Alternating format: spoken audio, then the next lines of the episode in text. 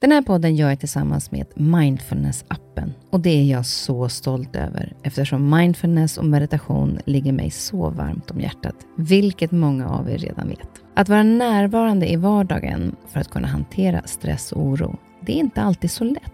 Då kan man ha mindfulness-appen nära till hands för att hjälpa dig när du behöver. För mig kan det vara så till exempel när det gäller sömnen, att vissa dagar då har jag riktigt svårt att komma till ro. Framför allt när det är mycket med jobbet. Då brukar jag använda mindfulness-appen och avsluta dagen med en avslappningsövning för att sänka stressnivån. Det gör det så mycket lättare för mig att somna sen. Oavsett om du kämpar med sömnlöshet, stress eller bara behöver en stund för dig själv så har Mindfulness-appen verktygen för att hjälpa dig att slappna av och sova bättre. Appen är utformad för att passa in i din livsstil med korta övningar som passar även de hektiska schemana. Som lyssnare till Nyfiken på så får ni 40% rabatt på prenumerationen av Mindfulness-appen. Länk till erbjudandet ja, det hittar ni i poddens Instagram, kaspersen nyfikenpa. Eller så går ni in på themindfulnessapp.com kristin. Välkommen till min podd Nyfiken på. Här får jag chansen att möta människor som jag är nyfiken på utifrån deras historia, kunskap eller erfarenheter. Människor som jag inspireras av och förhoppningsvis kan vi med det inspirera er. Och om ni gillar avsnittet får ni jättegärna dela det så fler får chansen att lyssna och det ger mig också möjligheten att få spridning på podden så att jag kan fortsätta länge att bjuda in människor till roliga och intressanta samtal. Glöm inte att du också kan gå in och prenumerera eller följa podden så missar du inte när avsnittet släpps. Veckans gäst är Viktor Frisk. Redan som 15-åring började han blogga. En blogg som snabbt gick från vardagslivet till mode. Media och då framförallt sociala medier, mode och musik har varit en stor del av Viktors liv.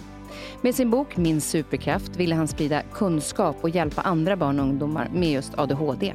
Och han har verkligen använt sin superkraft på så många sätt. 2017 tog han emot ett pris som Sveriges mest inflytelserika PR-konsult i digitala medier.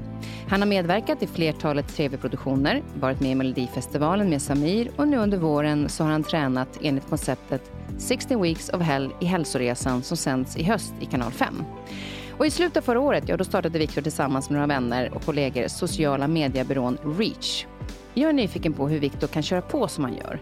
Vad är det som har hjälpt honom att få ihop livet som vuxen med ADHD och alla de här idéerna som poppar upp konstant? Viktor ser jag som en enormt driven person med ett stort hjärta. Och jag är så glad att han hittade en lucka i schemat och hälsar på i poddstudion.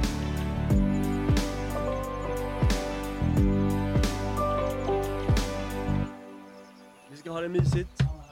Aha. Spela in podd, puss och kram. Okej, då kör vi igång. Åh, oh, nu har de fixat mikrofonen också, vad härligt. Det är grymt. Ja, så man hör dig nära. Ja. ja.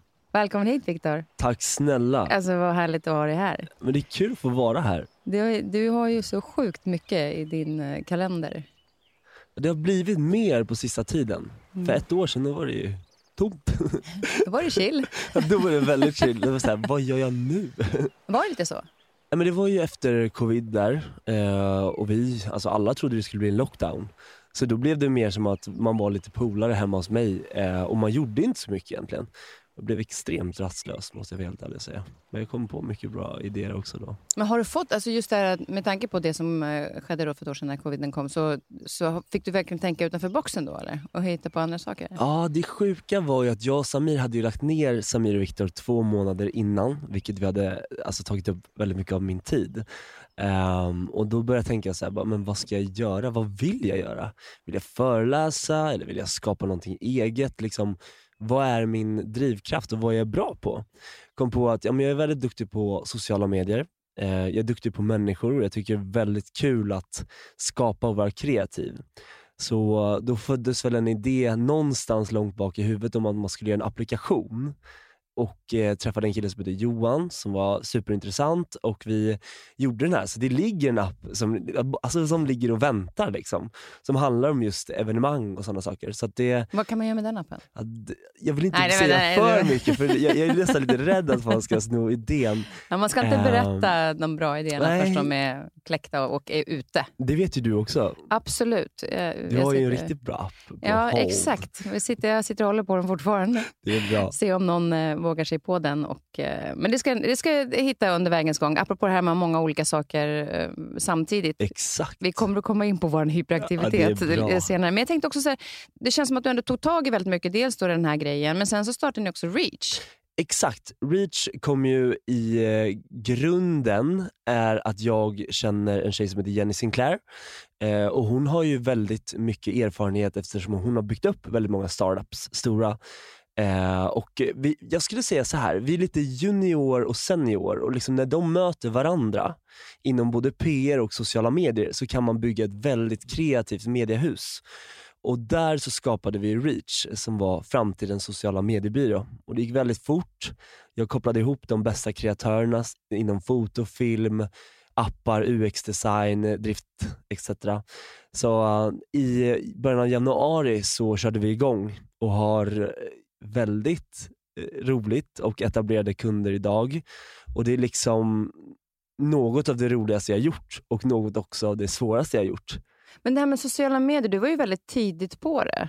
Jag var eh, väldigt att, tidig. Att eh, börja blogga till exempel. Var du 15? Va? Ja, jag var 15 och ett halvt tror jag. Ja. Och till och med hade jag nog haft en blogg innan där jag hade bara fotat. Typ mormor och farmor, så här roliga grejer.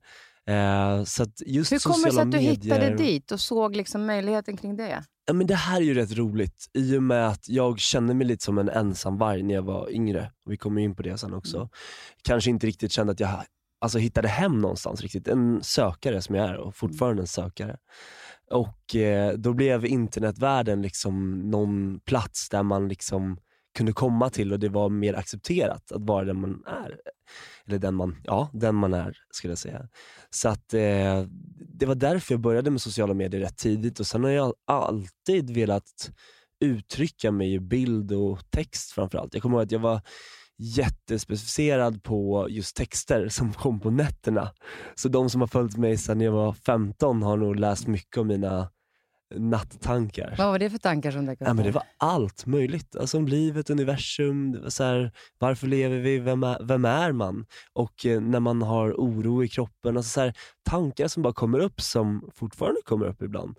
Men som jag var väldigt duktig på att dela med mig under den tiden. Men vad, men vad gör du då? Jag tänker så att, att, eh, att du började skriva mycket med tanke på mm, det du pratade lite grann om är kring ADHD och att det är därför du kände som du gjorde.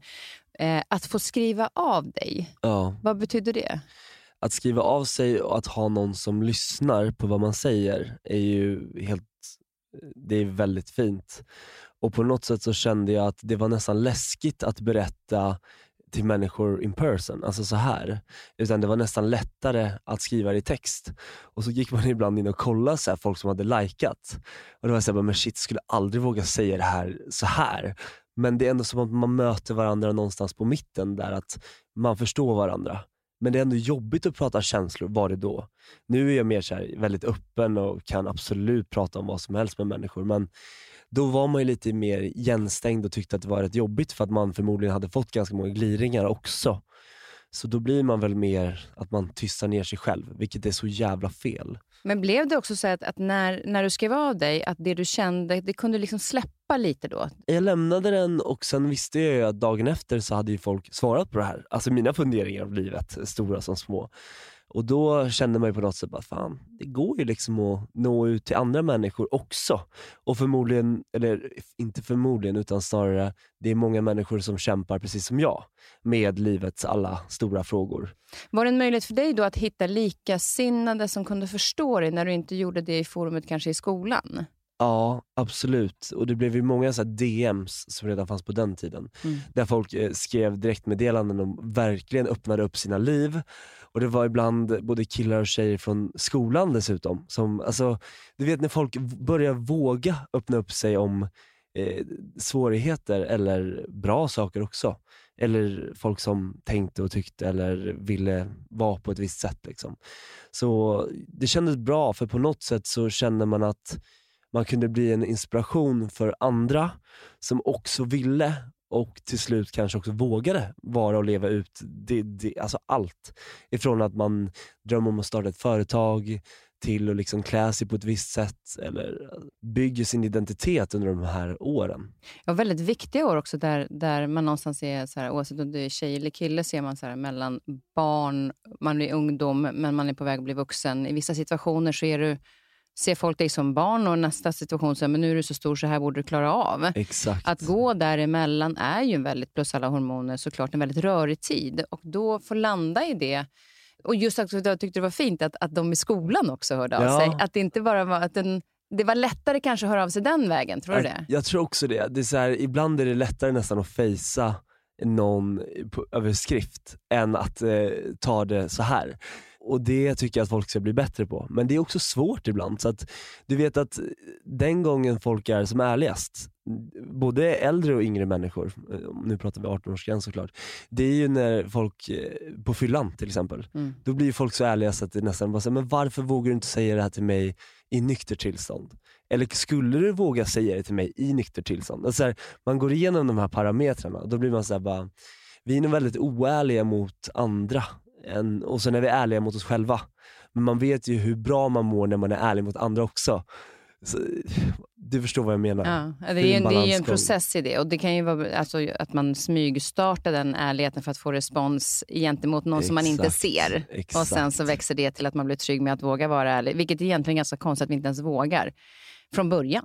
Rädsla, oro Ja, för men- vad andra människor ska tycka och tänka. Exakt, och det, det tycker jag är så intressant. Eh, jag tror att har pratat om det på den tidigare. Just det här med att när vi är små så lär vi oss ganska tidigt att hur upplever andra om jag gör så här? Mm, Är det jobbigt för andra om jag gråter? exakt. För att de säger till mig, nej men det här behöver du inte gråta för. Det Så till slut så vet man ju inte liksom, eh, vad vill de? Tycker de att jag är konstig om jag säger så här? Eller blir de besviken på mig om jag blir arg? Ja, men Mm. arg får man ju bli om man är besviken på någon. 100 Alltså, procent. Det är så roligt det du säger, för att eh, för några veckor sedan, alltså, jag gillar att vara ärlig och öppen, och här kan jag ju vara exakt vem jag vill. När man hade ett riktigt mental breakdown, det var så här, det kom så mycket känslor på en och samma gång från ja, men, vet, eh, livet alltså, i sig. Alltså, det, det är liksom ibland eh, slår över. Eh, och fick lite av en så här, nästan panikångestattack. Och så här, en jättesnäll kille som heter Jonny Edlind som jag har känt i över 11 år. Eh, och Han är också jättestor på sociala medier, superduktig kreatör för övrigt. Eh, och Han liksom så här, ganska macho kille men ändå så här, man, man, man tycker om honom, han är likable. Och så kommer han hem till mig och bara så här, jag sitter och bara verkligen hyperventilerar. Men han kommer verkligen lägga armarna om mig och bara, fan Viktor, lugn, lugn, vi är här nu, vi älskar dig. Liksom. Och, och på något sätt där, så här, jag ryser när jag tänker på det, för det är så jäkla fint när en människa som man tror, alltså är du med, som man Mm. tror det på ett sätt, men ändå så nallebjörn på ett annat sätt. Liksom. och där är det ju bra med sociala medier att man kanske inte...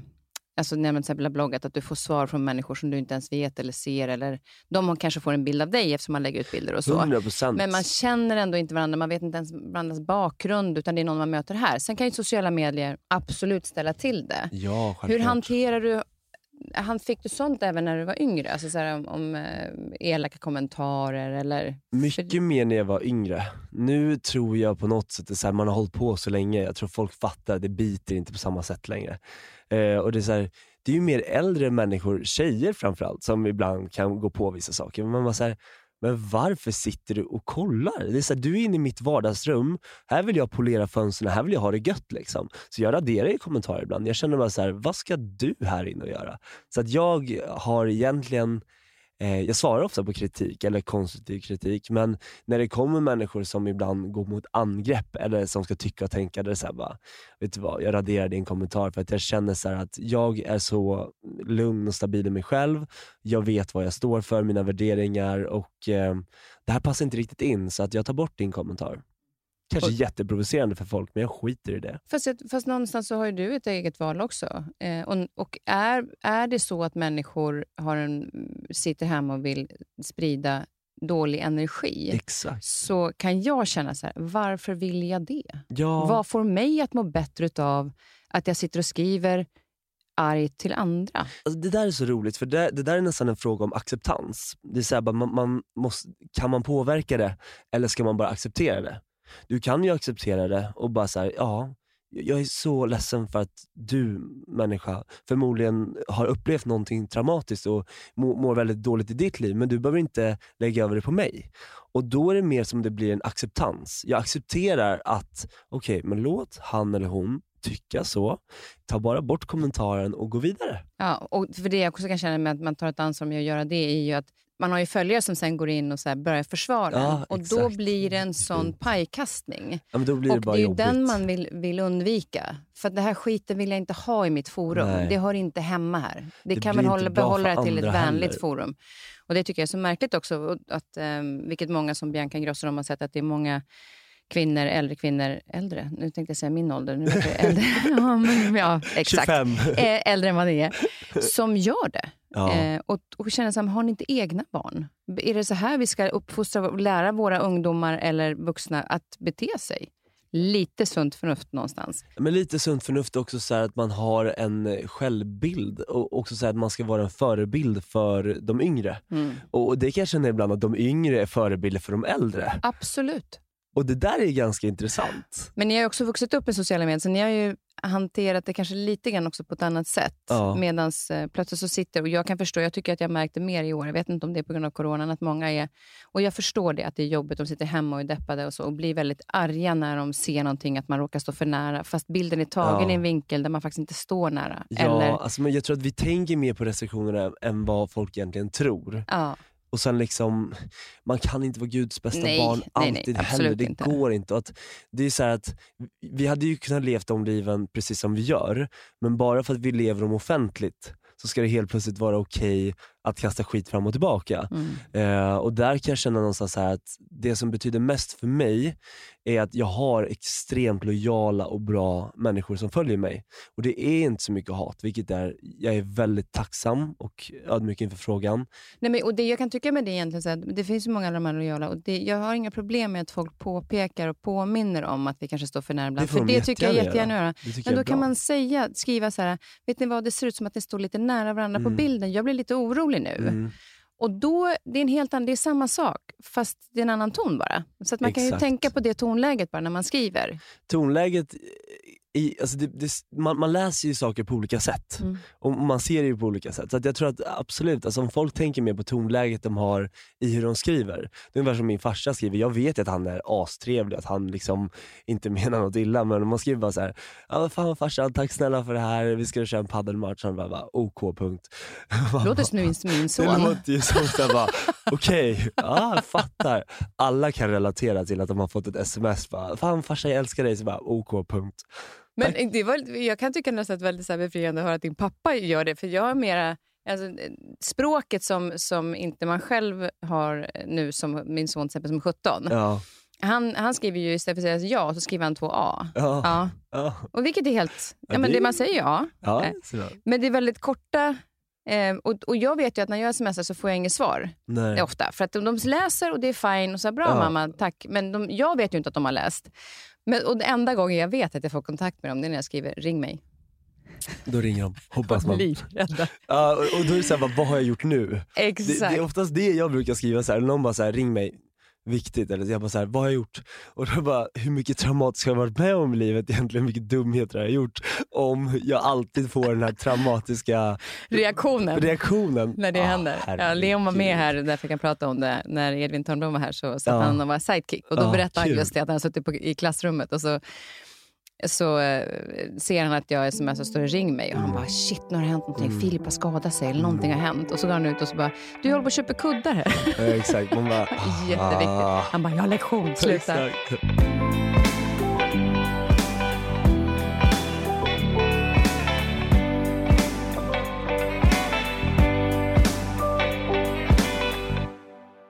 Men när det gäller sociala medier, du hittade ju då den här plattformen liksom kring bloggen och började liksom med mode. Ja. Vad kom, vad har du alltid varit intresserad av kläder? Alltid varit intresserad av kläder. Eh, kollar man på bilder från när jag var väldigt liten, så ja, pappa hade väl dels klätt mig när jag gick i dagis, så det var ju såhär, kom i pyjamasbyxor och eh, fintröja. Fashionistan number one by Tommy Andersson. Eh, nej men jag tyckte det var kul med kläder, alltid tyckte att det var roligt att gå i slips och fluga när jag var liten. Vill, sa ofta liksom, jag vill klä upp mig. Eller jag vill liksom så här. Så att, eh, det har alltid funnits ett klädintresse. Alltid eh, någon form av eh, att man vill liksom ja, men, ha någon elegans. Jag, jag vet inte varför. Gör det någonting men... med personligheten? Absolut, min personlighet speglas jättemycket utifrån vad jag har på mig och hur jag ser ut. Och också hur jag agerar. För det är här, som nu, nu, nu är det så här, nu är det the businessman. Nu måste jag verkligen tänka så här, kan inte gå runt i mjukisbyxor på stan liksom, utan ska ju vara seriös Kan du också gå hem och byta om om du känner att du är felklädd för dagen? Om du inte så riktigt trivs? Ja det kan nog hända. Ja det kan jag också göra. Det, kan, då, jag känner såhär, fan det här var inget bra. Oh, det här var varmt. Eller så bara, men det här kanske inte satt så bra. Eller så här, jo men självklart. Men sen, eh, ne, man måste också säga det att när jag väl kommer hem, det finns ju inget oskönare än att gå runt med jeans. Alltså, på med mjukiskläderna och bara götta ner sig. Så att, eh, det är inte så att man håller den där standarden. Nej, men, men, men när du började blogga om det, var det så att du såg att för jag är imponerad över det här att du hittar ditt sätt att nå och växa inom sociala medier från när du var mm. liten. Att liksom, så, för du började inte med mode direkt, men du gick över till mode. Mm. Såg du då att det fanns ett intresse eller vad var det som liksom kickade igång det? Alltså jag har hela tiden sett att man måste vara kreativ. Och det är så här, Vad vill folk se? Eh, blev jätteinspirerad av eh, både Andreas Wik eh, som bloggade då och eh, även Blondinbella var ju väldigt duktig affärskvinna. Eh, så man blev ju inspirerad av andra. Om vi säger, ja, men vad funkar? Ja, vi testar att skriva om musik, vi testar att skriva om politik. Aj, aj, aj, det gör vi inte. Går tillbaka no, no. till någonting bättre istället. Eh, börjar skriva då om manligt mode. Kommer ihåg att mormor låg och tog bilder på mig. Det var så här, Ja, det var en rolig tid i livet. Alltså. Ja, hade du mormor som hjälpte till? Ja, hon hjälpte till jättemycket. För det är så här, jag, när mamma kom hem ifrån jobbet, eh, då var klockan typ halv sex. Då hade ju solen gått ner. Och då, då fick jag ingen hjälp med bilderna, då blev det inte bra. Så jag frågade mormor, jag bara, jag lär dig, det här ska bli kul. Och än idag så hon är ju så glad för att hon liksom fick vara med om det här. Hon var med i början Hon var med i början. Så det, det säger hon till sina vänner. Men där märker man ju att du pratar mycket om familjen som en väldigt, alltså ni har varit väldigt nära och eh, jobbat alltså, tillsammans. De har, också, har, de, har de alltid varit väldigt för du var, i och med att du var rätt stökig i skolan. Jag, jag lyssnade på ett, um, nu inför idag så lyssnade jag på ett avsnitt från uh, Malou, ja. efter, när din pappa var med. Och att man vande sig liksom klockan tre att de alltid ringde från skolan. Och så. Ja, absolut. Men, men såg de på dig då vad som hände när du fick vara kreativ i din värld? Jag tror så här, det jag har märkt jättemycket och uh, hur jag skulle kunna se att folk kunde ha gjort annorlunda för just de ämnena som jag var väldigt gedigen i, där jag tyckte att det var kul, där hade lärarna uppmuntrat mig till att jag gjorde någonting bra. I de ämnena där man såg att det gick sämre för mig, där hade lärarna snarare trakasserat mig och inte alls sagt att jag gjorde bra saker.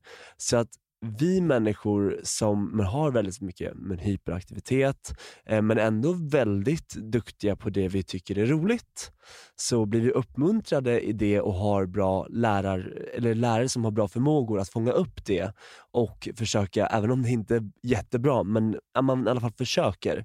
Får man beröm, då kan man bli hur bra som helst på det.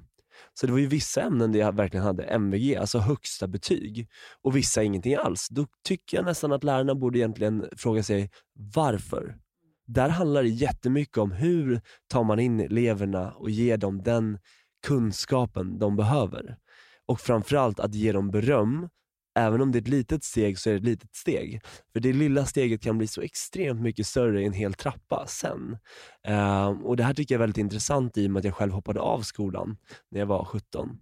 Eh, och Jag har inte gått bergs och jag har liksom inte gått några så här superskolor men jag känner att livet har också en väldigt fin utveckling och jag har ju på något sätt så är jag kreativ på mitt sätt, vilket har gjort att jag kan skapa den stommen i livet som jag gör just nu. Och det kan ju alla andra barn också göra. Så man måste ju ge varenda unge ett hopp om att det faktiskt är, låt mig säga det igen, det är en superkraft när man kan hantera situationen i att ha ADHD, ADD, en bipolaritetsdiagnos liknande. Och också att lärare och familj lär sig att hantera hur det fungerar då, då kan det, man gå hur långt som helst. Kolla på alla. Ja, och jag vet att det är många, för jag har ibland också pratat om att jag tycker att det är en superkraft när jag förstod att det var ADHD jag mm. hade och sådär. Men, men att, att eh, många säger, men jag tycker verkligen att det är jättejobbigt att ha ADHD. Det tycker jag och med. det, och det är inte någonting som jag tycker är jättekul alla gånger. Men jag försöker välja tanken i att vad kan jag använda mig utav det. Jag kan inte förändra det, Nej. Utan jag behöver liksom acceptera det. Och Det du säger där med läraren tycker jag, för att, um, och jag vet, och det ska jag säga, för att jag ibland pratar inte så, kanske så positivt om, om skolan, för att jag inte haft den upplevelsen. Men jag vet att det finns många lärare som är fantastiska. Verkligen. Och jag, och typ, jag hade ju tvåa i fysik i nian, men jag hade femma, då, man räknar ju femma var högst, mm. på gymnasiet i naturkunskap. Och Det var för att jag hade en magisk lärare. Och ja. Det var inte så stor skillnad egentligen, mer än att han såg mig och han plockade mig på de saker som han jag fick bekräftelse för att fasiken, jag kan ju lite. Exakt, bekräftelsen. Och där, ja, och vi hade en, en incident för något år sedan med eh, min son i skolan där han blev trakasserad av en, en lärare. Mm. Och när jag satt i möte med henne, så sa jag, för hon tryckte ner honom, och så sa jag, vad, vad tror du får eleverna bli motiverade? Mm. Är det att trycka ner dem eller försöka motivera dem? Mm. Och Då blev det ju tyst. Och så sa han, ja, men det är klart att det motiverar. Så att egentligen handlar det inte om att liksom börja någonstans lite grann, för de har ju stora klasser. Jag vet att de kämpar mycket med administration och allting. Så att det krävs ju också ovanifrån, inte bara lärarna, att de får hjälp ovanifrån för att kunna se det här. Men att just som du säger, se eleverna, uppmuntra dem och visa att det är möjligt. Mm. Jag ser dig, jag ser att du har kämpat. Mm. Jäklar vad du har jobbat mm. hårt inför det här. Räckte inte hela vägen till ett betyg, men vi, mm. vi kör en gång till mm. så ska vi se att du fixar det den kompetensen är extremt viktig och jag tror att vissa ämnen är viktigare än andra eh, i en sån här fråga. Jag skulle säga att framförallt matematik och engelska har jag alltid haft väldigt svårt för. Eh, för där har inte jag haft lärare som egentligen har gett mig de verktygen som jag egentligen hade velat haft på rätt sätt. För, för mig så blev det bara alltså, där? Och jag bara såhär, men gud vad, vad, står det på tavlan? Det där är så mycket tecken. Och då någonstans där bestämde jag mig bara såhär, äh, vet du vad? Jag får ha någon som sköter ekonomin åt mig. Jag har ju därför världens bästa syster som är involverad i alla mina bolag. Men jag älskar du är i familjen igen. Jag vet. Alltså, vilket team ni är. Och Det ska jag säga, något som jag tycker är intressant och det jag tycker att människor ska tänka på.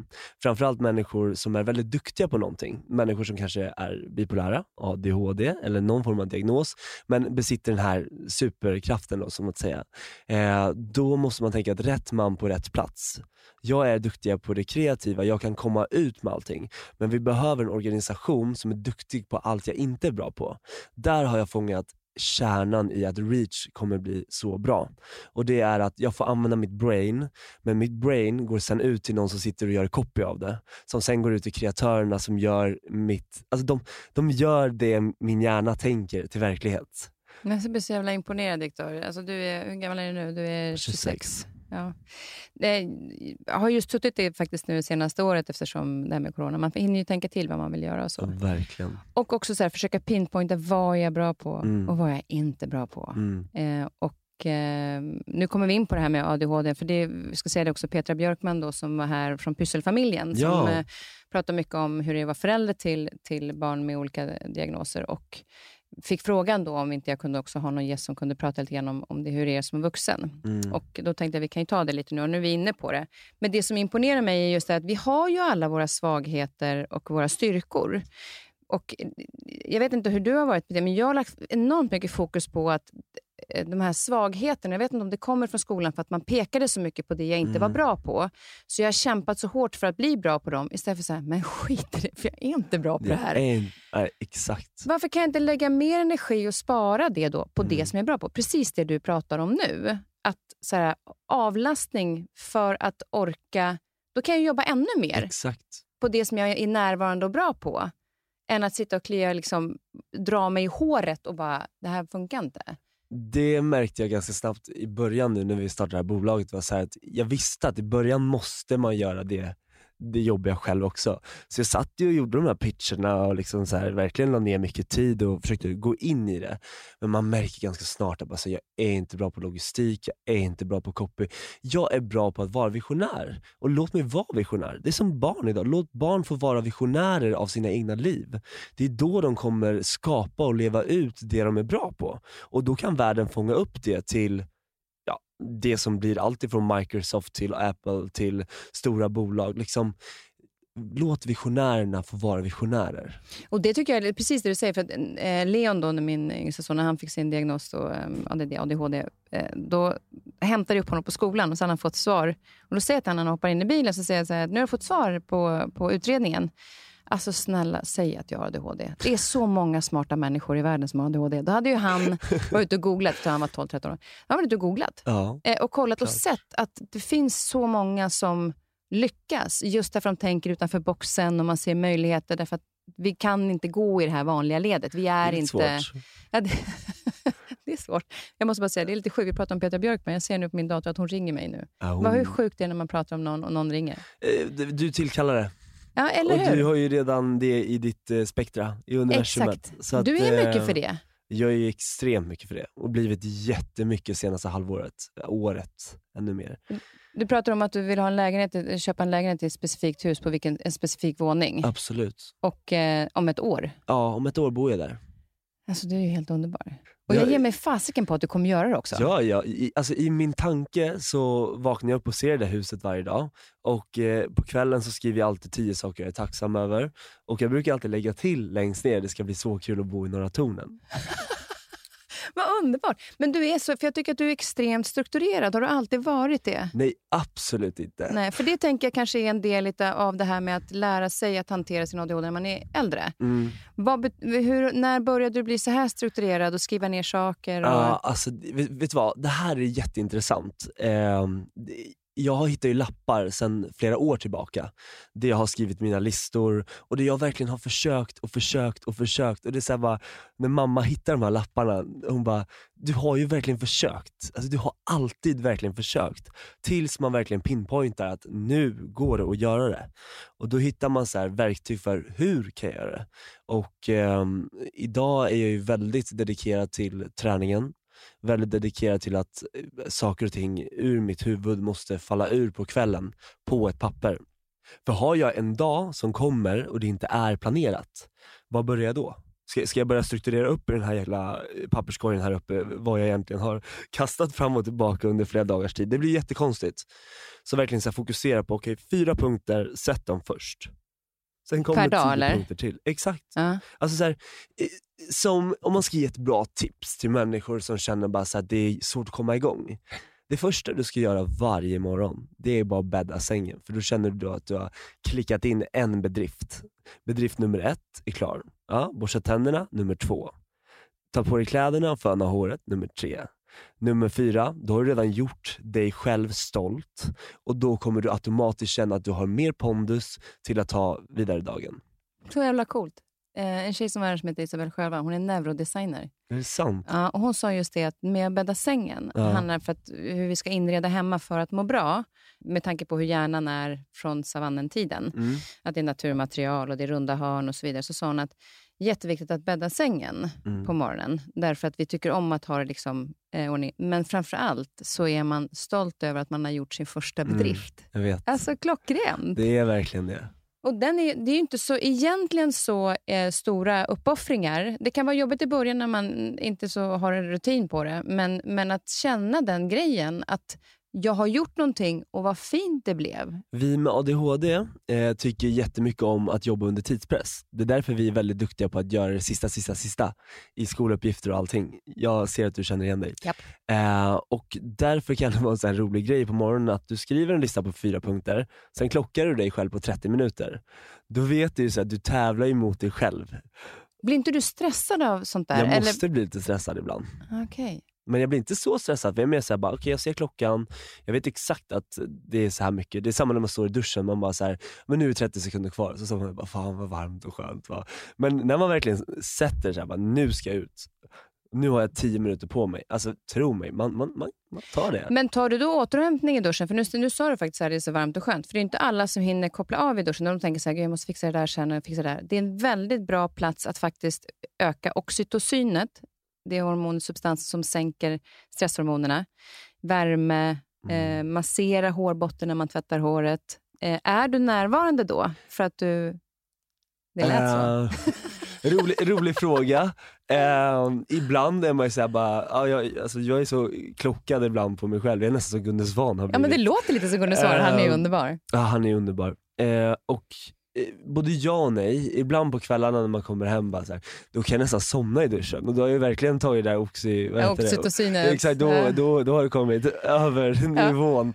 Ehm, men, men ja, absolut. Alltså, ång, ångestbefriande, det är ju duschen nummer ett. Mm. Liksom. Men jag tänker just för att när, när du har ett sånt högt tempo som du har Mm. och också inte bara att du gör mycket saker, men det är också ett högt tempo inombords. Jag kan ibland uppleva när det, som att det är liksom, i bröstkorgen så är det Mm. som en eh, fön som låter lite hela tiden. Ja. Och sen när det blir kaos, då är det som att det gnistrar, eh, du vet när det är så el och ström. Ja, det man, ja, det. Då är det eh, stökigt. Mm. Att hitta då återhämtning, är du bra på det? Nu kommer du till någonting som jag inte är så bra på. Eh, jo men jag försöker bli bättre hela tiden. Eh, helt plötsligt nu fem dagar i rad har jag sovit som en gud. Har inte hänt på, sen jag föddes. Vad typ. tror du det beror på? Ja men att jag börjar få ännu mer struktur. Får man ännu mer struktur och eh, kommer igång med träningen igen så det, man blir som en helt annan människa. Och det är så här, helt plötsligt bara så här, men gud, allt bara faller på plats. Och du vet när man ser bara boll efter boll bara falla ner, som man har jobbat efter så länge. Och eh, jag, jag börjar känna att jag börjar komma till freds i livet på en riktigt bra nivå. Ja, men det, är känns lite så, liksom för vi har ju så känt här varandra skönt. några år och det, har ju, det är ju en sista... Ja, men sen ett år tillbaka, när vi har haft Mm. lite kontakt lite fram och tillbaka, så, så känns det som att du, du är den som eh, smsar, vad var adressen? Exakt. eh, ses vi där, där. Du kommer liksom tre minuter innan. När jag nog skulle tänka att eh, är vi hyperaktiva så kan vi alltid vara lite sena, Mm. för hon är, han är inte med det innan. Just vad fasiken gjorde vi? Eh, det var jag som inte hade mejlat dig ens adressen hit. Ja, det är ingen fara. Nej men alltså förstår du, det, det är där, där är ordning och reda på något Mm. sätt. Vilket är väldigt behagligt för mig, men Mm. jag tänker också just framförallt för dig själv. Så behagligt. Att hitta, så det är någonting som, som har betytt mycket just för att få... För jag, eh, det är väldigt vanligt att människor med ADHD bränner ut sig. Mm. Nej, alltså jag, vet, jag vet inte om jag har varit i närheten av det, för det är på något sätt som att min kropp stoppar sig när det väl behöver. Och Då är det hem till mamma och pappa och ligga där i fem dagar och då är man väl förkyld. Och, men man får mat, vatten och allt löser sig. Eh, återigen familj. Mm. Älskar min familj. Men du har inte hamnat i att du har liksom behövt vara borta en längre tid för återhämtning? Nej, faktiskt Nej. inte. Jag För det är ju det jag kan bli man- lite, inte orolig, men, men eftersom du har sånt högt tempo Ja. och när vi vilar, vet inte om du känner igen det här, men, men om jag vilar till exempel, jag kan inte bara titta på TV, Nej. utan då sitter jag och stickar samtidigt eller Ja. för att huvudet ska vila. Men det gör ju att, att jag, och många saker är väldigt roligt. Mm. Ja, men jag kör det här, det här Mm. är kul. Och så kickas man igång av det. Och så, Mm. nej men jag kör på det här. Och Ja, så det är kul. dundrar det bara på. Ja. Eh, och där blir ibland min hjärna mycket starkare. Den hörs mycket högre Mm. än när kroppen säger, men vänta, jag är Mm. lite trött. Mm. Den hör jag inte riktigt. Nej. Så jag har fått börja skriva in liksom i kalender, Mm. stryka vissa förmiddagar. Mm. Att där gör jag ingenting. För att gör jag inte det, alltså, då kan det vara kul att köra på lite till. Ja, det är kul att köra på lite till. Men det där är en väldigt intressant eh, faktor. Eh, jag insåg ju, jag gjorde det här 16 weeks of hell Mm. och då kommer man in i väldigt så här inrutat, vilket var perfekt för mig. Jag tyckte det var helt magiskt, älskade det. Um, och sen när jag kom ur det så var det som, att, oj shit nu kunde man börja festa igen och nu var det så här, och hej och hå, här var det möten 8, 9 och 10 på morgonen. Så kommer man ut och bara, "Men- men gud jag kan, alltså jag kan, jag kan jag kan inte ha det så här. Så att jag bestämde mig faktiskt ta ett eh, klokt eh, aktivt val att avstå från alkohol eh, nu fram tills den 30 november. För jag känner att det här är de viktigaste sex månaderna i mitt liv. Där jag bygger min stabilaste bas och förmodligen min framtid. Så, um, Men vad, vad, vad märkte du skillnad med att, eh, att ta bort alkoholen? Alltså jag känner i och med att jag är ung och att det alltid finns eh, valmöjligheter till att liksom kunna festa eller middagar, vad som helst. Liksom. Så känner jag bara så här att eh, jag tror inte det är bra för mig just nu. Jag tror det är bra att jag fokuserar rätt och att jag håller i träningen. Och träningen, framförallt så tog jag bort alkoholen för att jag känner bara så här, ja, men träningen är ju inte exakt vad den gav eh, innan. Så jag vill liksom hålla mig fräsch och frisk. Mm. Och där är det någonstans, det är, det är ju eh, en insikt. Nu pratar du lite grann om det här med, med 16 weeks of hell.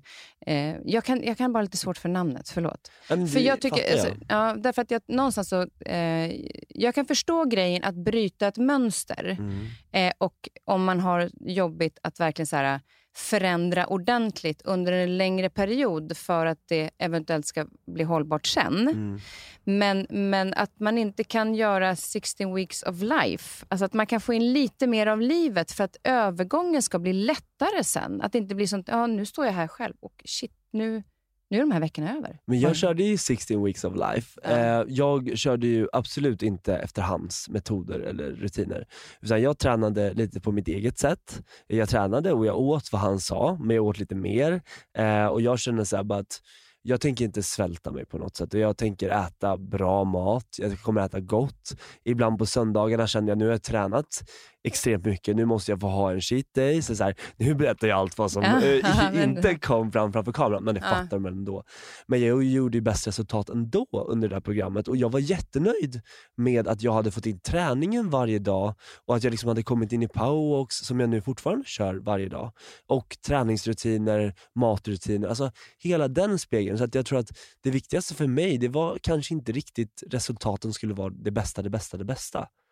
Men sen i slutet så blir man ju bara så här, fan det ska synas på TV också, jävla skit. Ja, det. Nu är det Men, bara att gå in på torskdieten. Liksom. nej, men det, det jag kan eh, förstå det är just det här att, att bryta mönster. För Ja. att där tror jag att det är bra att, ha en, en lång, att göra det liksom under längre tid. Jag vet bara att jag är så extremt morgontrött. Är du det? Eh, jag, har, alltså jag har nog varit extremt morgontrött, men nu är det så här att jag vet ju att jaha, sex, morgon, sex på morgonen då är det dags att gå ut en powerwalk. Det är så här, man, man kan ändra mönster. Ja, man kan verkligen jag, göra det. det var precis det jag var tvungen att göra. Jag bestämde mig under en månad att nu ska jag gå upp oavsett hur trött jag än är. Så ska jag gå upp klockan sex. Skål. Skål. och då kände jag att efter eh, typ två, tre veckor så blev det mycket lättare. Exakt. Men jag fick vara sjukt jävla envis för att fortsätta de här, alltså de här första veckorna. Så att man också ger sig tid att faktiskt bryta mönster. Det tar ett tag, men glöm inte... Alltså man tänker så här, man jobbar en månad så får man lönen sen. Mm. Alltså gör den här månaden och så Exakt. får du din lön sen. Men se till att... Jag är bara orolig för att... Eller inte orolig för, men jag tänker bara att många kanske gör en diet under en viss tid och sen Mm. så bara, jaha, vad händer nu? Nu vet jag inte hur jag ska leva livet sen. Men du har hittat en form för det. Jag hittade en form för allting och jag tror så här att, att hade jag eh, inte haft en plan för hur jag skulle göra det här efteråt nu, då hade jag säkert fallerat. Eh, men eh, i och med att jag faktiskt har blivit lite klokare, tro det eller ej, under de här årens gång, så hade jag redan en hel plan direkt efteråt. Jag gick och tränade till och med dagen efter vi hade gjort den här grejen. Och sen eh, två veckor efteråt så var jag såhär, nej men Nishti som jag jobbar med. Jag bara, Nishti, vet du vad? Jag tar valet. Jag eh, tänker vara nykter ett halvår, satsa på businessen, reach, Moli eh, och eh, ta fram ett papper. Eh, du får 100 000 på dagen om jag skulle dricka alkohol. Hon bara, hon bara, det här är det största beslutet du har tagit i hela ditt liv. Hon bara, jag bara ja. Hon bara, är du säker på det här? Jag bara ja. Hon bara, fy fan vad cool du är. Ja, Jag bara, ja, jag, jag, jag behöver inte det. Nej. Jag kan ha kul ändå.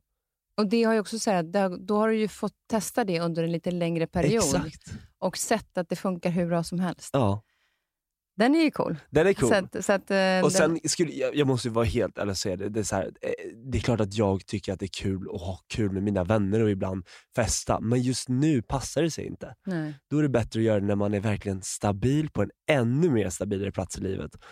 Ehm, och då njuter man mer. Det där är en rolig grej. Eh, jag träffade en eh, tjej som heter Karin som är VD på IQ. Ehm, och då pratade vi just om det här unga alkoholvanor. Eller ungas alkoholvanor rättare sagt. Och då är det så här, vilken känsla dricker du för? Dricker du för att dämpa dig i jobb eller för att du har klarat av dagen? Eller dricker du för att öka eh, att ha roligt?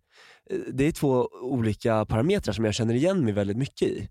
För Förr kan det vara så att man kom hem från jobb ibland och bara, så, men, fan, alltså, vet, man, man, kan inte riktigt släppa det och, och som ADHD och så också. Det var så, här, men en liten whisky, det är väl kanon, en sängfösare. Som jag tror många äldre gubbar och eh, gummor också tänker, att men ett glas rödvin, då, då, blir man lugn. Men snälla ta bort det. Alltså det, det där är bara fel. Då måste man liksom få in meditation och hitta ett annat sätt. För man skjuter ju bara upp problemet. Men snarare så finns det ju minst lika många gånger där man festar med polare för att man tycker att det är kul också. Och det är den känslan man ska behålla och få bort den känslan av att man jobbar i stress och jobb. Ja men precis och sen också säga att, att tar du ett glas vin så tar du det för att det är gott. Exakt. Eh, och jag vet ibland när man har tagit ett glas vin och så har jag inte tyckt om vinet, då har jag ja. inte tagit det. Då har jag hällt ut det. Tror... Och sen vissa dagar så har man tyckt att det var, gud vad gott det var att ta ett glas vin till maten och då är man fine med det. Min mormor satt ju alltid med ett, med ett whiskyglas, aldrig före klockan fyra sa hon. Nej. Nej, absolut inte. Och sen så när klockan var halv fem sa alltså, klockan är halv fyra nu. Och då tog hon lite whisky och stod ganska mycket vatten. Oh. Och Sen satt hon med det där glaset och gned på det med tummarna. Och Sen hade hon det liksom hela kvällen. Hon ja. satt och småsmuttade på det där lilla glaset. Det måste ha varit skitäckligt. Nej, men hon hade, det var liksom så här, det var gott. Det ja. var hennes liksom lilla mysiga whisky och då drack ju hon på ett annat sätt. Ja, och det är och, så man ska göra. Och Det är det som är någonstans. Men det viktigaste är att man hittar sitt sätt. Mm. Eh, det är inte... Absolut. Och där tycker jag att det är... Det är klart att man är trött om man partajar mycket och ska driva bolag. Oh, För där ja. är det ju liksom, du är ju så otroligt eh, driven när det gäller det där. Molin nämnde du. Molin. Ja. Berätta om det. Jag, försökt, jag ska säga att jag har varit på möte. Ja. Tycker att det låter jättespännande, men här kommer min ADHD in då. Det är bra. Eh, jag blir också lite stressad, därför att jag har redan rätt mycket. Jag behöver hitta ett sätt att eh, lasta av vissa arbetsuppgifter som jag ändå inte är bra på. Och Det håller jag på med nu. Men då när det kommer in ett nytt roligt projekt och jag tänker så här, det här är ju superbra för den här, till exempel för podden. Ja. Och jag bara, hur ska jag lära mig det här? Och ska jag ta in det här? Ska jag komma ihåg att visa? Alltså, du vet, ja. Det ökar istället för att hitta så här, vad kan jag använda det till? Exakt. Vad är det bra för mig? Jag behöver inte göra som alla andra. Så berätta nu vad Moli är. Ja, Nej, men Moli är ju en applikation på telefonen som är lite som din egen canvas. Och Det vill säga att du visar upp din egen display och du sitter och lajvar så man ser dig, men vi kan gå in och kolla på din Instagram samtidigt som man hör dig prata. Så att eh, du kan ju redigera bilder, Victoria Silvstedt eh, sitter och eh, daytradar. Eh, man visar hur man redigerar film, eh, stora TikTok-stjärnor sitter och visar exakt hur de gör TikTok-videosarna, eh, alltså backstage. Eh, man läser tidningarna och kanske dividerar fram och tillbaka. Så att, precis det du säger, man ska ju liksom hitta de usparna som gör att man tycker att Moli är kul. För Moli är en lansering som har skett nu alldeles nyligen. Jag har varit en del av deras advice board eh, i ett och ett halvt år, sen Alexander, som en av grundarna heter, kom hem ifrån USA. Och eh, jag har alltid känt, eh, förmodligen, att det är, så här, ja, men det är en golden ticket. Det är så här, antingen kommer det gå kanon eller så kanske inte gör det. Men varför ska jag inte vara med och testa? Jag har hållit på med sociala medier sedan jag 15 år. Tycker det är jätteroligt att liksom vara med och kunna vara eh, nyskapande i någonting helt nytt. Samt att det är den första eh, applikationen från sociala medier som verkligen kan explodera, som kommer ifrån Sverige. Just det. Och, men, och det handlar om att du ser egentligen, du ser dig live, men du kan också se din skärm. Du ser dig live, du kan se skärmen, så att ni kan ju, du och dina följare är inne till exempel och liveshoppar tillsammans. Och då kan jag säga, vad tycker du om den här klänningen? Exakt, då kan de säga, nej exakt. men inte den där. Ja, de, de, de är med i interaktionen hela tiden. Så hela appen handlar ju om att du gör det du vill i telefonen, visar bilder, ni kanske Tinder-swipar, whatsoever. Eh, men att de samtidigt interagerar med dig och berättar vad du ska göra eller vad de tycker att det är kul. Du kan ta bort så man inte ser, så kan du göra någonting du tycker är kul. Ni kanske kollar på träningsövningar, eh, ni kanske bestämmer film tillsammans inför kvällen. Det är så här, man hänger med sina följare lite som eh, eh Clubhouse, bara att det är skärmen som du screenar. Just det, men jag förstod också att om jag skulle ha en iPad här inne, ja. så skulle jag kunna eh, ha den riktad mot dig. Ja så att man ser oss båda. Ja, exakt. För det är ju det lite grann som jag tyckte var jävligt spännande, att man också kan ha eh, flerkamera, alltså det blir Ja. flerkamerasystem Jag på något vet. sätt. Just när det gäller mig, på vilket sätt jag ska... Men jag, jag tror att jag ska gå en liten... Eh, det går jät- förmodligen jättesnabbt att lära sig. Nu, Det går snabbt. nu är jag inte jättebra på det där, men, men, men just den tekniska biten. Men jag tror att när man väl fattar det så kommer det bli så här, ja men alltså det här är ju otroligt användbart. Det är väldigt användbart i vissa, eller många syften. Eh, och sen tror jag också så här att vi lanserade för tre veckor sedan. Det kom, alltså en app växer under tid. Det kommer ta minst ett år innan den här appen liksom exploderar. Eh, eller det vet man inte heller.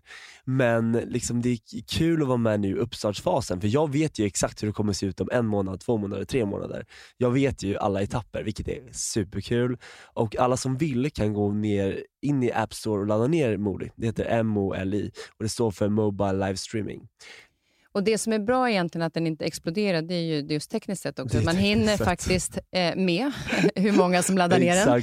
Plus att man också kan få lite feedback på, alltså att man har en plan om ett halvår. Mm. Men så märker man att det här använder de det till. Mm. Det har vi inte tänkt. Det här saknar vi ju. Exakt. Så att det kan ju också vara bra att det växer långsamt, Jätte, tänker jag. Jättebra. För, för det är också så här, precis som du säger, jag har ju suttit med IT-avdelningen och ibland är det så bara, ah, det blir liksom för mycket när, man, när vissa har vissa av sina streams ibland. Men eh, exakt som du säger, det är så här, utvecklingen går sakta framåt, det är en produkt som kommer växa under tid, det är någonting som vi ska ta globalt, absolut. Men Sverige är ju en perfekt marknad att testa på i början. Men kan inte du känna också, så här, som också då har visioner och massor med idéer, att eh, den appen jag håller på med, som jag håller på med i all oändlighet, som Ja. ligger och vilar lite nu tills jag får energi att ta tag i den, den är ju lite för avancerad tekniskt sett att bygga. Men i mitt huvud är det stenklart. Ja, ja, för du är visionär. Ja. Och så kommer du till någon och berättar om din idé och bara, vänta, va? Ja. Eh, men jag tror att man, kan, man måste förenkla saker så mycket som möjligt Mm, tills det nästan är glasklart. Exakt. För att så här borde det vara. liksom. Ja, och det är ju enkelt när du ser den i, i telefonen. Ja, alltså ju den.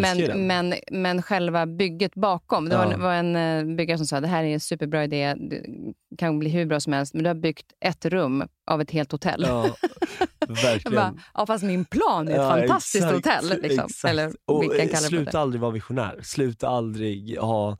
Eh, för det, det är många som säger bara, eller brukar säga så här till mig bara, ibland bara, ja men eh, du gör så mycket, ska du liksom inte fokusera på en sak? Jag bara, fast om man fokuserar på en sak, då liksom kanske det blir så att det, den skulle kunna misslyckas. Om jag gör flera så vet jag att någon kommer lyckas, eller flera.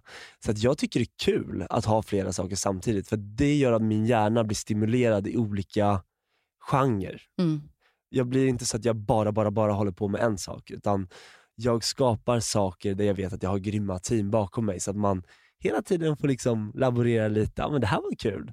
Ja, det här, nu testar vi något nytt. Och så här, sådana saker. Jag tycker det är fantastiskt Men där är det ju, kul. då skulle jag säga att det är viktigt att ha... ehm, jag fö- föddes ju, eller jag blev kallad Kristin kan själv när jag var liten. Ja. Eh, och jag, jag tror att lite grann har varit det här bekräftelsen i skolan eller när jag gjorde saker att omedvetet att så här, vad duktig du är och ja, jag gjorde det själv. Mm. Alltså så att jag fick en sån kick av det. Så jag har fått för mig att du är duktig om du gör allting själv. Mm. Vilket är absolut jättekorkat. Det är det korkaste ever. Ja, men jag vet, just det att man tänker så här, men om, om någon startar ett bolag, då anställer man ju folk där Mm. man behöver kompetens Mm. och där man behöver avlastning. Varför Rätt ska man i man- sitt egen vardag eller liv klara allting själv? Alltså rätt man på rätt plats. Det här är jättemycket det vi pratar om nu när vi eh, håller på att skapa teambuilding, eh, ledarskap etc. Det är så här, rätt man på rätt plats. Jag ska inte sitta med administrativa, eh, jag ska inte sitta med copy till exempel som jag har sagt.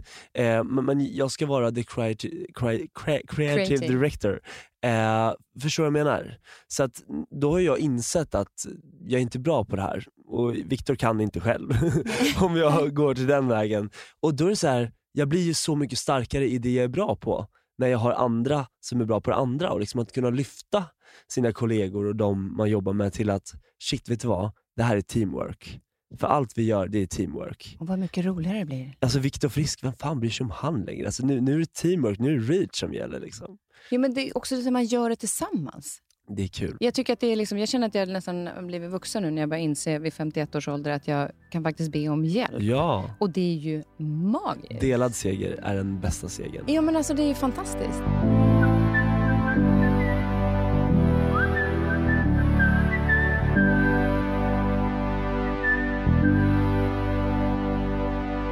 Jag tänker på, nu, nu eh, jag har varit inne på sociala medier och dina företag och så vidare. Musiken, du var inne på det i början, men det är ingenting musik nu. Inte just nu. Kan du sakna det ibland? Vi saknar ju det båda två. Eh, nu har det varit covid och allting och man skickar bilder och filmer till varandra på stora turnéer, alla trerättersmiddagar, mat som var det bästa. Som ni fick när ni var ute och reste ja, eller? Absolut, på turné. Eh, och sen bara så här, alltså känslan av att stå på scen, känslan av att få vara med Samir och bara ha kul. Och du vet så här, ibland känner man så här att jag har tagit på mig kostymen, men jag vill ta av mig kostymen, jag vill vara lilla lekkillen på scen. Liksom. Så jag tror att, eh, ja, jag känner ju oss, liksom. det kommer nog inte vara allt för länge att vi håller oss ifrån det kanske. Men då har man också en distans till att man gör det för att det är kul och inte för att tjäna pengar på det. Utan då blir ju det här roliga, då kommer ju det bli själva showen.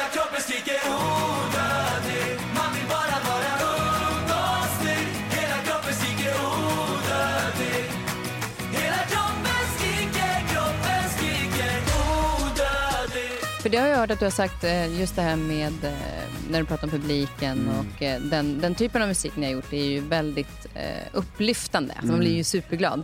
Och att du när du var yngre, ibland när du kunde säga saker till i, på grund av eh, ADHD, kanske Mm. som var dumt sagt. Fast egentligen så ville du ju alltid göra människor glad. Ja, absolut. Och sen så blev det tokigt. Du tog mig, det blir tokigt ibland fortfarande. Det blir det. Ja, jag ska berätta en rolig grej. Det är så här, man tänker man bara så här, men jag gör det här bra för det, det, det kommer liksom funka. Och så blir det så jävla fel ibland ändå. Man bara så här, men jag gjorde det bara för att vara snäll. Och helt plötsligt så blev det någon helt annan inriktning på det. Liksom. Ja. Men kan du, kan du ta något exempel? Som Ja, vi får inte säga det här egentligen. Men, jo, men det, vi skulle fixa paket för att vi hade en jättestor produktion som vi ska göra nu i helgen. Och så skulle det här paketet komma då till kontoret och jag bara såhär, men gå in bara för att lägga, lägg den bara innanför porten. Och då har den här jäkeln gått in en port till. Så när Nishi kommer och ska hämta paketet, då har ju larmet gått. Alltså det är så här. Jag ville så gott men det blev så fel. Jag bara såhär, ah, alltså vad... Men så blir det ibland Ja. och det, det får vara okej. Men där tänker jag just det här med musiken och att, eh, även om det är en kick i en själv, men att stå där på scenen och se alla människor så glad som står och Ja, studsar det är där helt nere. sjukt. Alltså alla barnfamiljer. Mm. Eh, Jag har ju verkligen fattat vad Samir och Viktor är. Och vi är ju liksom barnidoler. Även om Samir har väldigt svårt att inse det ibland och vill vara en helt annan artist. Vilket jag tycker är jättekul. Eh, Men, men jag gillar det på något sätt. Ja, men Det är så här, barnen, jag alltså, att det- göra barn glada. Alltså att göra barn människor. glada, då blir ju alla glada. Ja, sen är de så otroligt transparenta med sin glädje tillbaka. Ja, verkligen. Alltså, det finns ju inget bättre fans än, än barn egentligen. Absolut inte. Jag, jag, hade jag gjort om hela karriären så hade jag säkert eh, velat jobba som programledare, eh, barnprogramledare också. Men det kan jag säga, det hade du lyckats med. Du var ju jättegullig och gjorde mig en tjänst här i, i, eh, vintras när min, eh, min gamla barnflicka som jag hade, Kajsa, just hon har ju en det. dotter som är tre och Ja. eh, skulle precis få en lillebror. Så det var väldigt Just mycket fokus det. på den här magen. Och Ja. jag åker dit för att då när pojken är född, så Ja. lillebror, och hon är helt... Eh, Viktor tittar hon på Youtube hela, hela, hela tiden. Det. Och så när Arnold då, som du pratar ja, om hela just tiden. det. Så du eh, spelade in en liten film till henne Mm. eh, som jag visade upp. Och den eh, glädjen i henne, först blev hon ju så här, hon bara hoppade bak. Sen tjatade hon, jag tror jag vet inte om jag visade den 40 gånger kanske på den kvällen.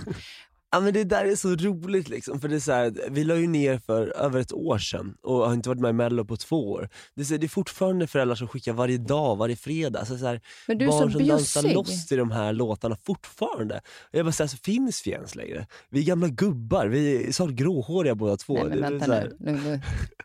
Okej okej, jag skojar bara. Ja. Jag lugnar mig. Vad vad eh, fan är jag då? Man är ung så länge man är ung i sinnet. Exakt, ja, men jag älskar min ålder så jag har faktiskt inget problem med det. Men jag tycker bara det är så roligt när man säger gamla gubbar. Ja, och sen så det är bara, klart. mm. Nej, men Men- för att gå tillbaka till den röda tråden. Ja, men just det här med, med barnen är, och den underhållningen. Sen var det också musik. Vi är på väldigt många saker. Det är sociala medier, det är mode, det är driva företag eh, och det, vi har pratat om musiken. Och sen, du har ju också dansat.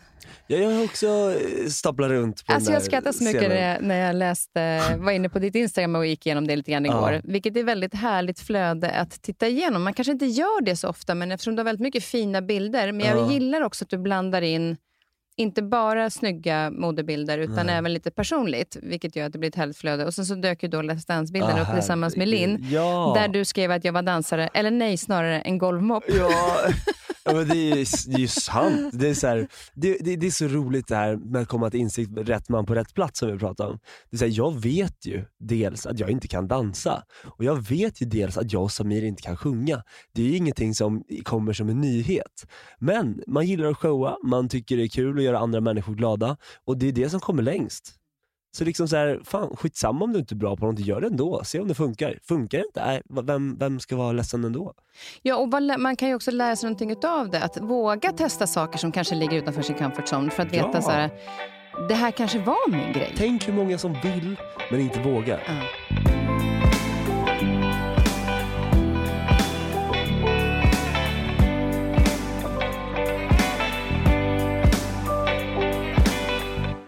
Nu när sommaren är här och ni brukar vara ute på turné och säga vad kommer du göra i sommar? Ja, herr Andersson Frisk han är ständigt inne på sitt eh, LinkedIn-konto. Eh, Jag har en grej som heter 16 weeks of sell. Så- 60 weeks of sell. Sell. Så att eh, på 16 veckor så ska jag kunna sälja så många uppdrag till Reach som bara går. Eh, och så kommer folk få följa den här resan och eh, jag ska träffa så många CEO och marknadschefer jag bara kan under den här sommaren. Och sen kommer jag nog även hänga ut hos mina föräldrar på landet en Ja, hel del tack. också. Så lite återhämtning där. Ja, ja gud ja. Eh, Du vet att den är livsviktig. den är livsviktig och Ja. den, den finns där. Mm.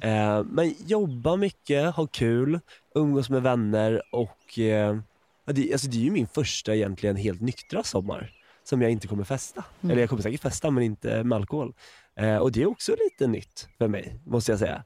Eh, så det är nog mycket nya saker som faller på plats den här sommaren.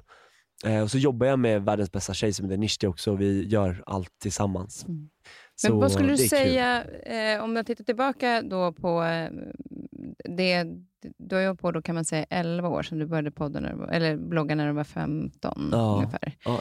Vad skulle du säga är det som har varit eh, det mest så här, avgörande, vilken riktning du ska gå i? Alltså, som har betytt mest för dig i, i utvecklingen i dig som person? Ehm, den utvecklingen för mig som person, det är ju dels när vi var med i Melodifestivalen första gången. Då var det som om man blev känd över en natt och man kastades runt och man bara, vänta, vänta, vänta vad händer nu? Eh, och sen covid, vägskälet mellan att våga starta eget och musiken. Att kanske lägga det lite på paus. Och eh, någonstans där kommer ju också den stora frågan är att nu är det dags att växa upp. Klarar du av det här? Ehm, och då ger man ju sig fan på att man ska göra det. Så att, eh, Men är det jag du- tycker det kommer stora frågor hela tiden som man ofta så här, kommer i ett vägskäl. Och kanske att man också säger upp bekantskapen med vissa människor som man känner inte kanske funkar. som tar energi mer än det ger? Där har jag blivit jätteduktig på att eh, rensa upp ja, människor som ger mer än eh, vad jag får. För jag, jag, Eller tar mer än vad du får? Ja, exakt. Mm, mm. Eh, men jag ger väldigt mycket och till slut så ligger jag som en blöt pöl själv. och eh, Folk skulle nog säga att jag kanske har blivit lite egoistisk i den frågan, eh, om man frågar vissa människor. M- men eh, jag själv känner bara att jag mår bra av att eh, plocka bort det som, som man inte orkar. Jag orkar inte träffa alla människor längre. Jag orkar liksom inte vara alla människor till lags, jag orkar inte sätta ihop människor med människor med människor hela tiden. Det är så att Och det är ingen som förväntar sig det av dig egentligen heller, Nej, jag tror jag. vet. Jag Utan det är hopp- ju jag bara en, det eh, heller. det är någonting kanske man inser också att man antar, vilket är en... eh, Ja, jag brukar säga, mycket. antar brukar eh, säga, assumption is the mother of all fuck-ups. ja, För att man antar saker att folk tror, ja eller. Eh, och man tror att folk förväntar sig saker. Men också vad jag kan tycka, jag har också försökt nu att eh, sortera bort, vilket Mm. är att, att människor som, det som tar energi från mig och det som ger energi. Men jag behöver inte säga det till personerna i frågan heller. inte. Utan, utan jag tänker för Man andra som känner så. sakta men säkert fasa ut. Men sen också de vännerna som man har och som består, det är människor som, även om vi inte har kontakten idag, alltså vi kan ju ringa varandra om ett år och det är exakt samma stämning. Och, och det är det som är så fint. Men just det här med att, eh, att göra slut med vissa vänner lite på grund av att det kanske inte är rätt för mig. Det är ju jäkligt jobbigt samtidigt också. Ja, och sen, jag brukar tänka att det är som att om du släpper en sten rakt ner i vattnet så blir det ju ringar som går Mm. åt olika håll. Och så tänker jag så här, men de här vännerna har varit i en av de innersta ringarna. Exakt. Där vill inte jag ha dem just nu, Mm. så jag flyttar ut dem en bit. Eh, för där jag är i livet så är vi kanske, vi kanske på olika platser i livet, vilket gör att vi inte förstår varandra på samma sätt. De kan komma tillbaka Ja, senare, det gud, vet man ja. inte. Men just att känslan är att man liksom inte behöver göra slut och att de försvinner helt. Utan Precis. jag bara plockar bort, så mitt förhållningssätt ändrar sig. Mer än att jag behöver... De har, det ger inte dem någonting att jag säger till dem att Nej. jag har plockat bort er en bit. Men däremot så mentalt och bildmässigt så ser jag dem så här, ja men de är en bit längre Ja. bort. Vi kan ses på det här sättet. Det funkar. Absolut. Det finns en annan grej som man också kan göra. Det är att eh, det gjorde jag när jag eh, hade varit väldigt kär i en kille och så, han var inte så kär i mig. Men jag fortsatte att tänka på det där hela tiden. Vilken förlust han gjorde. Eller hur? Tack hjärtat. Och då, så till slut så blev jag så irriterad på mig själv att jag inte kunde släppa den här tanken. Mm. Så var det en kompis till mig som höll på att köpa julklappar så sa hon gå in på nätet nu så skulle jag gå in på en sida och då stod det köp en get Mhm. i Indonesien. Och jag bara, vadå ska jag köpa en jävla get till honom eller? Hon bara, nej nej nej, du kan ju döpa den. Ah. Så då köpte jag en get, döpte den till hans namn. Ja. Så nu är ju han i Indonesien. ja, det är klart. Han är jättelångt borta från ja, mig. Det är skönt. Och sen har jag gjort det med... Eh, Att du skickar ut dem som bubblor. ja, och jag, det, välgörenhet. Eh, någon som tjänar lite pengar borta. Och sen gjorde jag det med en kompis som... Jag hade svårt för en del av henne, Mm. men det var en del jag tycker jättemycket om. Så halva geten då. Så halva geten. Vad fan, en delad get. Alltså jag har köpt så mycket getter. ja, det är bra. Men då Det gör kanske- man någonting så här handlingskraftigt och också gör lite nytta på vägen. Ska man åka ner och hälsa på de här getterna sen då, så man för vet att de har det fan, bra? Jag vill inte hälsa på dem. De kan ta hand om varandra där nere. Jag kan säga det är inte bara en, det är inte Nej, bara en han, eller, en som heter någonting på något manligt namn som går där nere. Det är fler. Ja, det är flera. Och de kan ju hänga där tillsammans. Det gör ingenting. Men, men då blir det mycket jobb för dig i sommar alltså? Det blir jobb och eh, familj. Ja. Och eh, den här berömda återhämtningen. Jag tjatar på det. Ja. Vad är du nyfiken på? Alltså jag är nyfiken på hjärnan, jag är nyfiken på hur det fungerar, varför vi agerar som vi gör. Jag är jätteintresserad av vad som driver en människa till att begå bra saker, att begå dåliga saker och hur det egentligen fungerar där inne. Har du, har du Anna Tibelius Bodin, hon är specialiserad på hjärnan. Hon har varit med två gånger i eh, podden. Där hon pratar just om liksom varför vi agerar som vi gör. Och att mycket till exempel beror på det här med savannen. Just det. Att varför, varför tar negativa tankar så stor plats? Mm. Eh, och det är ju att till exempel en negativ tanke påverkar nervsystemet fem gånger så mycket än en Mm. positiv tanke. Är Så vi får jobba hårdare. Och det är ju för att vi inte ska dö.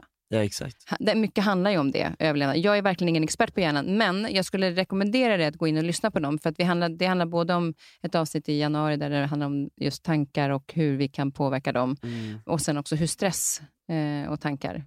Ja, jag, jag förstår hur du tänker. Eh, min tanke, eller det man är nyfiken på, det är också läskigt. Men det är så här, varför utför människor vissa handlingar som är så sjuka? Alltså, tänker har det slagit slint i hjärnan på folk? Mm. Alltså, nu, nu pratar vi så här. nej, nu ska vi inte komma in på en dålig stämning i den här Nej, podden, nej, det men jag menar- bra, men Jo, men vissa, och det är också så här, det jag kan tycka är intressant med det där. som sitter fel. Nej, men också så här, olika, olika, nu bara tänka lite grann på vad jag har hört om olika saker, men att man har till exempel en eh, dålig utsöndring av dopaminet eller Mm. lägre utsöndring eller serotoninet. Serotoninet är ju ett hormon som får dig och en substans som får dig att känna dig vad bra jag är. Mm. Alltså så här, och, och ett sätt att få, få mer serotonin det är att trycka ner andra, Mm. för då känner du dig bra. Eh, att lägga skuld på någon annan för att slippa ta ansvar, det kan Exakt. utsöndra faktiskt det här fantastiska oxytocinet som är Mm. lugnande. För man vill säga, gud, nu lämnar jag över. Det Så- var deras fel. Det hon vill säga med andra ord är att gå in och ställ er i duschen en timme så ska ni se Ja, men alltså, få, få till, gå, ut, gå, ut, gå ut i solen och sitta en stund i värmen Mm. eh, under ett tak kanske, solskydd. Men, men att just det här att hitta de här små punkterna för att få till exempel oxytocinet att utsöndra och minska Mm. stressen. Så det finns ju många sådana, men det är ju otroligt spännande hur den här hjärnan... Alltså järnbalken, den här grejen som sitter här Mm. uppe, du vet. Alltså det är så intressant så det, Jag har en, eh, en kompis som studerar jättemycket inom just psykologi och hjärnan. Så här, vi kan ju sitta i timmar och prata om det här. Mm. Alltså vi pratar om hur det fungerar, varför vi agerar som vi gör, varför tror vi att det är så här, hur är hjärnan uppbyggd? Alltså, jättemycket så stora frågor. Och det är lite som att prata om universum och bara så här, hur stort är det egentligen om vi pekar rakt upp? Alltså, Den är ju sjuk. Ah, nu, du ser. Ja. Hade du sagt det här på kvällen då hade jag ju kommit hem nu och bara, Hur långt är det egentligen? exakt, Ja. tar vi rymdraketen. Det, det finns jättebra på Youtube faktiskt som beskriver det. Ja. Eh, haft, eh. Nu ska vi ta och fika lite grann du och jag och vi ska lyssna på en låt. Och du, hade ju, du har ju ingen så här egentligen speciell låt. Eh, Jag som, lyssnar alltid på allt, Ja. allt ifrån rock till klassiker. Allt. Och jag är lite uppvuxen med det också, att man, man gör lite allt och alla. Eh, men jag tycker att vi kan lyfta ändå Hanna Färms låt Älska mig för evigt, för att jag är väldigt bra vän med Hanna. Vi har lyssnat på den väldigt många månader nu innan den släpptes. Och det kommer vara en väldigt välspelad låt på alla fester i sommar, så att eh, vi ger henne den. Och älska mig för evigt. Hur, hur, eh, du pratar om att du har blivit mycket bättre på känslor när du har blivit äldre. Hur Exakt. går det med, med eh, känslor? Det är så jäkla roligt. Jag var och, eh, på tal om flummeri, och la lite kort hos eh, en spådam som jag har gått hos länge. Hon sa det att ingen kärlek nu, ingen kärlek, du har inte tid för det. Är det Så här, så? ja, ja, och det var verkligen så här. jag bara okej, ja, men det är sant, jag har inte tid för det. Så att det kommer, men inom ett eh, september, oktober. Okej. Eh, För jag, eh, jag var också till eh, nyligen faktiskt till ett medium och Ja. han sa att det här är väldigt, väldigt nära. Ja det är så. Alltså lite spännande Vi gör en high five. Ja, vi gör en high five High på den och så spelar vi Nej, missar vi! Där. Så. Älskar mig för evigt. Tack snälla för att du kom. Tack för att jag fick vara med. Och eh, lycka till med 60 Weeks of Cell. Yes! Yes!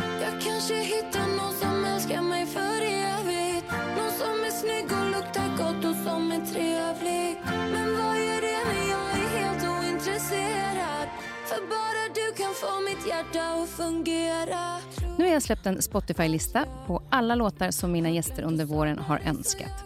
Gå in på Spotify och så söker du Nyfiken på musik 21. Lika härlig blandning av underbara gäster jag har haft, lika härlig blandning låtar hittar ni i min musiklista. Nu kan ni njuta både av Nyfiken på musik under sommaren och jag kommer såklart att fortsätta att släppa nya avsnitt varje vecka av podden, för den tar inte sommarlov. I nästa veckas avsnitt träffar jag författaren Denise Rudberg.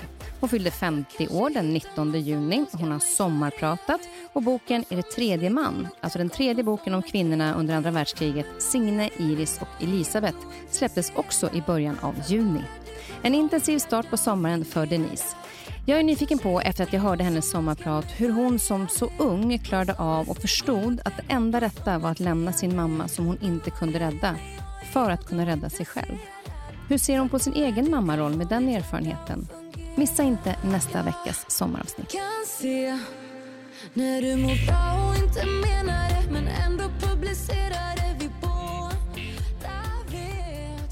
Den här podcasten är producerad av Perfect Day Media.